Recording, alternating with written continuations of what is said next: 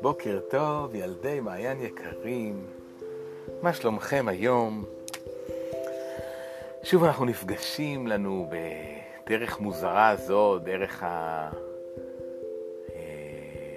הטלפון או המחשב אצל חלקכם.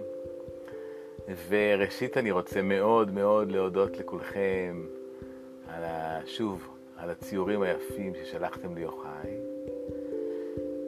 וגם לספר לכם על תמונה מאוד יפה שקיבלתי מליה, החמודה שלנו, שצילמה עבורי ציפור מאוד יפה שהיא ראתה, אה, שהייתה ציפור די גדולה, עם כנפיים שבקצותיהן הן אה, שחורות, ובמרכזן הן אה, לבנות, והחזה שלה לבן.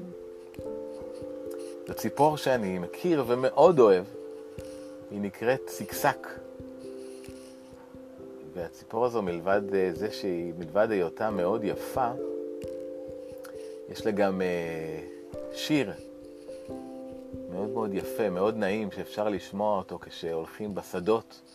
ציפורים שמאוד אוהבות ללכת בשדות, בשדות חרושים בעיקר, ולחפש להם שם, לחפש להם שם, אה, שם אוכל, מזון.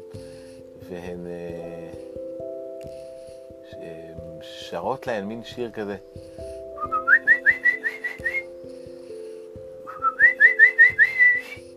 אני לא בטוח שאני כרגע מחקה אותם באופן מושלם, אבל uh, פחות או יותר, בכל אופן מאוד נעים להאזין לשירם של הסקסקים. אם יוצא לכם להיקלע, להגיע בטיוליכם לשדה חרוש, הסתכלו סביב, ואני כמעט בטוח שתצליחו לראות סיקסק אחד או שניים. אני גם אוהב את השם שלהם, אגב. סיקסק, סיקסק. שם כזה שיש בו המון סמכים. אמ, ותנסו אולי להאזין, אולי תצליחו אפילו לשמוע את השירה שלהם. ולזהות אותה, ואם תצליחו, נסו לחקות אותה, וכשניפגש, ממש בקרוב, אולי תוכלו גם לספר לנו ולהשמיע לנו את השיר של הסקסק ששמעתם. ועכשיו אנחנו נקפל את הרגליים ונפרוס את הכנפיים. ועכשיו אפשר לעוף אל התכלת בשמיים.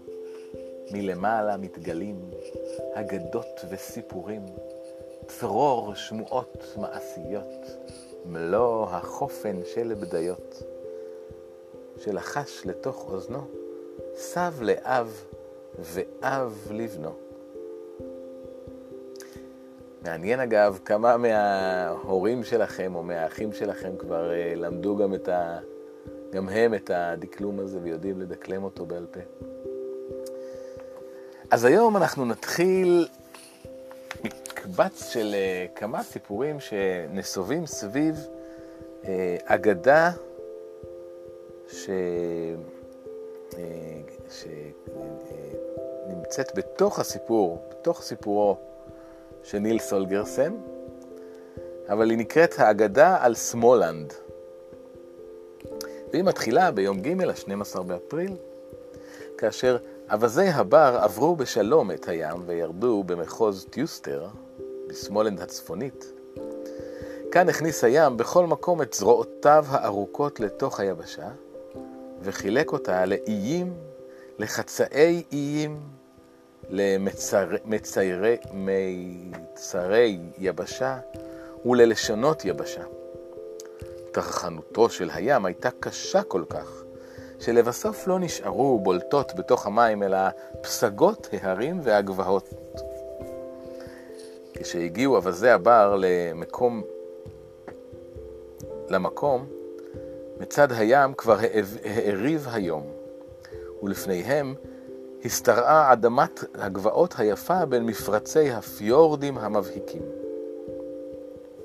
פה ושם ראה הנער בתים ובקתות על האיים, וככל שהרחיקו לתחום היבשה, כן היו בתי היישוב טובים וגדולים יותר, ולבסוף היו לאחוזות אצילים גדולות ולבנות.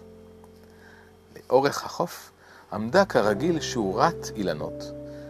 מאחוריה השתרעו שדות חרושים, ולמעלה מהם, על הגבעות הקטנות, צמחו שוב עצים. הנער לא יכול שלא להיזכר בבלקינג. כאן הייתה שוב סביבה אשר בה הים והיבשה נפגשים באופן נאה ושוקט כל כך, כדי להראות זה לזה את הטוב והיקר ביותר אשר ברשותם. אווזי הבר ירדו על גבעת צחיחה בפנים מפרץ גוספיורד. המבט הראשון שהעיפו בחוף לימד אותם לדעת כי האביב עשה חיל בזמן שהם נמצאו על האיים. אמנם האילנות הגדולים והנהדרים טרם הוריקו, עדיין לא התמלאו בעלים יבשים וטרם נתכסו עלים בכלל, אבל השדות ביניהם הזהירו בצבעי לבן, ירוק, צהוב ותכלת. אנחנו כרגע, כשאנחנו מוקפים בסתיו, אולי מתקשים לזכור עד כמה יפה הוא האביב, ועד כמה גם כאן, אצלנו בארץ, עם בוא האביב, השדות מתמלאים בשלל צבעים מרהיב. אבל בסיפורו של ניל סולגרסן, עכשיו הם הגיעו אל האביב, והשדות התמלאו בשלל הצבעים. האווזים התפלאו למראה עיניהם, ושקעו בהרהורים. מניין באו כל אלה? אבל מיד עמדו על סיבת הדבר. השדות היו מכוסים כלניות לבנות, ציצי כרכום וכבדניות. אלה הכל שמות של פרחים. כיוון שראו אווזי הבר את מרבד הפרחים, נפל עליהם פחד. שמא המבלים הם זמן רב מדי בחלקו הדרומי של הארץ, ואכה אמרה כי לא יספיק להם הזמן לבקר באחד ממקומות המרגוע אשר בשמאלנד. מחר, עם הנץ החמה, עליהם לנסוע הלאה, מעל לגוטלנד המזרחית לצד צפון. אם כך, לא יוכל אפוא הנער לראות הרבה בשמאלנד, והוא הצטער על כך. על שום סביבה לא נזדמן לו לשמוע דברים רבים כל כך, כמו על שמאלנד דווקא, והוא השתוקק מאוד לראותה פעם אחת במו עיניו. כידוע לנו היה הנער משמש בקיץ האחרון רואה אווזים אצל אחד האיכרים בסביבת גיוטברגה. כשהוא, לפני שהיה גמד, הוא היה מדב, מטפל באווזים. היה, זאת הייתה העבודה שלו כשהיה נער גדול. ושם, בסביבות יודברגה, היה פוגש כמעט מדי יום ביומו כמה ילדים עניים משמאלנד, רועי אווזים גם הם. הילדים הללו היו מתגרים בו ומקנטרים אותו תמיד בשמאלנד הזו שלהם. אבל אילו אמר כי רואת האווזים עזה היא שקנטרה אותו, היה חוטא לאמת. למעשה רואת האווזים עזה הייתה פיקחית ביותר וחכמה מדי בכדי לעשות זאת. לא, המומחה לקנטורים היה אחיה, מץ הפעוט. וכך היה אומר מצ. הוי, רואה האווזים נילס, אולי אתה יודע כיצד נבראו שמאלנד ושונן? נוהג היה לשאול. ולאחר שנילס ענה בשלילה, לא, לא, אינני יודע, מיד היה פותח את פיו ומספר את האגדה על שמאלנד. כן, כידוע לך, היה פותח ואומר, קרה הדבר בעת שברא הקדוש ברוך הוא את העולם. אלוהים. בהיותו עומד באמצע המלאכה, כדי ש... לאחר שהשלים כבר את אמצע, את מחצית העבודה של בריאת העולם, עבר במקום פטרוס הקדוש. הוא התעכב, עמד ליד הבורא, אלוהים. התבונן בו שעה קלה, ושאל אם קשה המלאכה מאוד. כן, קלה ביותר איננה, ענה הקדוש ברוך הוא. העבודה אינה מאוד פשוטה. פטרוס הקדוש נשאר עומד עוד שעה קלה, ובראותו באיזו קלות מוציא הבורא מידיו ארץ אחר ארץ, כיצד הוא בורא ארץ ועוד מדינה. ביקש אף הוא לנסות את כוחו במלאכה זו. אמר לקדוש ברוך הוא, אולי רוצה אתה לנוח קצת? ובינתיים יכול אני לעשות את מלאכתך במקומך. אבל השם יתברך לא הסכים לכך. אינני יודע אם כל כך בקיא אתה באומנות, באומנות זו, שאוכל לתת לך להמשיך במלאכה במקום שאני מפסיק. לאמור, אינני בטוח שאתה יודע איך עושים את העבודה. נעלב פטרוס הקדוש ואמר כי בטוח הוא שאף הוא ידע ליצור ארצות טובות כמו אלה של הקדוש ברוך הוא. אותו רגע עסוק היה ריבונו של עולם ביצירה, ביצירתה של שמאלנד. המלאכה אמנם לא נשלמה עדיין, אבל ניכר היה כי ארץ פוריה ויפה תהיה זו. מכיוון שקשה היה לו, להשם יתברך, להשיב ריקם ולסרב לפטרוס הקדוש, לכן סבור היה כי מלאכה שהתחלתה הצליחה כל כך, לא יוכל כבר שום איש לקלקל, אמר, אמ, אתה יודע מה, אם טוב הדבר בעיניך, ננסה הפעם. מי משנינו מבין יותר בסוג מלאכה זו? ומכיוון שאתה עדיין מתחיל וטירון, תמשיך במלאכ... במלאכת הארץ הזאת, שאני התחלתי לעשותה, שמאלנד. ואנוכי, אני, אברא בינתיים ארץ חדשה. פטרוס הסכים מיד להצעה, וכל אחד מהם ניגש מיד למלאכתו. הקדוש ברוך הוא נטה קצת לצד דרום, והתחיל לברוא את שונן. לא עבר זמן רב וכבר סיים את מלאכתו.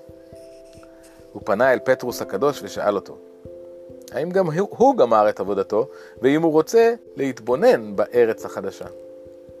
שלי מוכנה כבר, אמר פטרוס הקדוש, ואפשר היה להכיר בקולו כמה מרוצה הוא במלאכתו. ראה פטרוס הקדוש את שונן ונאלץ להודות כי על ארץ זו אי אפשר להגיד אלא רק דברים טובים. ארץ פוריה הייתה זו, נוחה לעיבוד, והיו לה אדמות מישור רחבות בכל אשר תפנה את העין, לכל מקום שתסתכל, ורק רמז כלשהו להרים, להרים. הרושם היה כאילו התכוון הקדוש ברוך הוא לעשות ארץ זו טובה ביותר, כדי שיהיה טוב בה לבני האדם. כן, ארץ טובה היא, אמר פטרוס הקדוש. אך סבורני כי זו שלי, זו שאני בראתי, טובה ממנה. הבה נראה, אמר הקדוש ברוך הוא. בשעה שפטרוס הקדוש ניגש למלאכה, הייתה הארץ בצפון ובמזרח כבר מוכנה.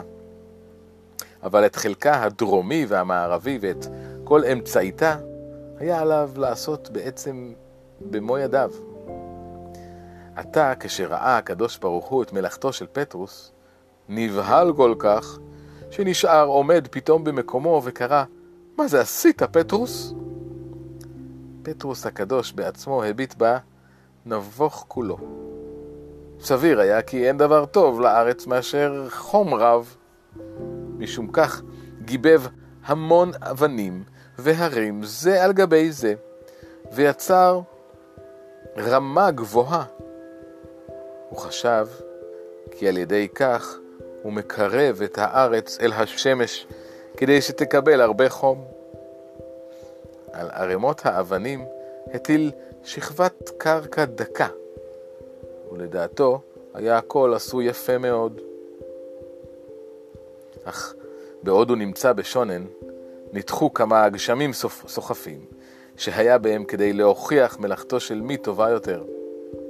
בזמן שפטרוס הלך להביט בעבודתו של הקדוש ברוך הוא בשונן, ירד גשם וסחף את האדמה. באותו זמן כבר נסחפה כל שכבת העבר, האפר למטה, ובכל אשר פנו נראו לעיניהם ההרים החשופים. במקומות הטובים היו שטחי הסלע מכוסים חומר ופירורי חצץ כבדים. אבל גם אלה נראו צחיחים ביותר, וקל היה להבין כי לא יצמח כאן דבר, מלבד uh, קוצים, ערערים, אורנים, אברשים ואזוב. רק מים נמצאו כאן, בשפע. הם מילאו את כל הנקיקים בתחתית ההרים, ובכל אשר מסביב נראו נחלים ונהרות. כל אלה, פרט לביצות ולבריכות, שתפסו שטחים רחבי ידיים. אך הדבר הגרוע ביותר הוא שבכמה מקומות היו המים רבים ביותר, בעוד שבסביבות אחרות הורגש בהם מחסור. שדות רחבים השתרעו כערבות חרבות, וכל משב רוח קל היה מעלה ענני עפר וחול. למה התכוונת כשבראת את הארץ הזאת? שאל הקדוש ברוך הוא. פטרוס הקדוש התנצל ואמר כי עשה את הארץ גבוהה כל כך למען תספוג הרבה מחום השמש. אך, אך אם כך הרי תקבל גם הרבה מצנעת הלילה. אם יהיה חם ביום, הרי שיהיה גם קר מאוד בלילה, השיב הקדוש ברוך הוא. הלא גם זו יורדת מן השמיים. חושש אני כי המעט שיצמח פה יקפא בקור. דבר זה לא עלה כמובן על דעתו של פטרוס הקדוש. כן, ארץ רזה תהיה זאת, אכולת קור וכפור, אמר הקדוש ברוך הוא, וכבר אין הדבר ניתן לשינוי. כשהיה מץ הפעוט מגיע בסיפורו עד למקום הזה, הייתה רואת האווזים עז הנכנסת תמיד לתוך דבריו. לא אוכל לסבול מץ הפעוט, הייתה אומרת, שאתה מוציא דיבה, שאתה אומר דברים כל כך רעים על שמאלנד. הרי אתה מסיח דעתך לגמרי מהאדמות הטובות והמרובות אשר כאן. היזכר נא רק באזור מורה על יד מפרץ קלמר. רוצה הייתי לדעת, רוצה הייתי לדעת, אם תמצא באיזשהו מקום שדות תבואה דשנים כל כך. השדות סמוכים שם זה לזה, שדה על יד שדה, ממש כמו כאן, בשונן. אינני יכול לשנות בזה כלום, אמר מץ הפעוט. אני מספר רק מה ששמעתי. אני שמעתי מפי אנשים רבים כי אדמת חוף יפה, כטיוסט, היא נדירה. זכור נא את המפרצים, הגבעות, אחוזות האצילים והיערות, כל הדברים היפהפיים שיש לנו בשמאלנד. כן, זה נכון, אמר מץ הפעות. והאם אינך יודע מה עוד אמרה המורה? סביבה נאה, כמו בשמאלנד זו, הנמצאת בדרומה של וטרן, אין למצוא עוד בארץ שוודיה כולה.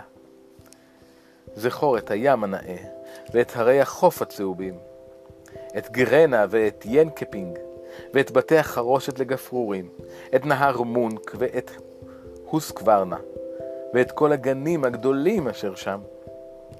כן, זה נכון, אמר מץ הפרות עוד פעם. וחשוב נא מץ הקטן גם על ויסינגו, על החורבות שלה, על יער העלונים וכל האתרים ההיסטוריים אשר לה.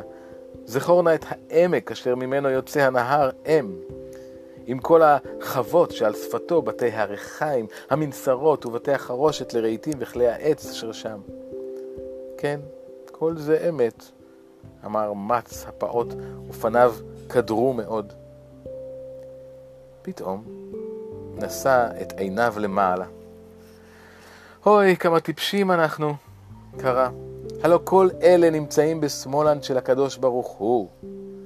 בחלק הארץ שהיה כבר מוכן ועשוי בשעה שפטרוס הקדוש ניגש אל המלאכה. והרי מובן מאליו שנאה המקום ונהדר.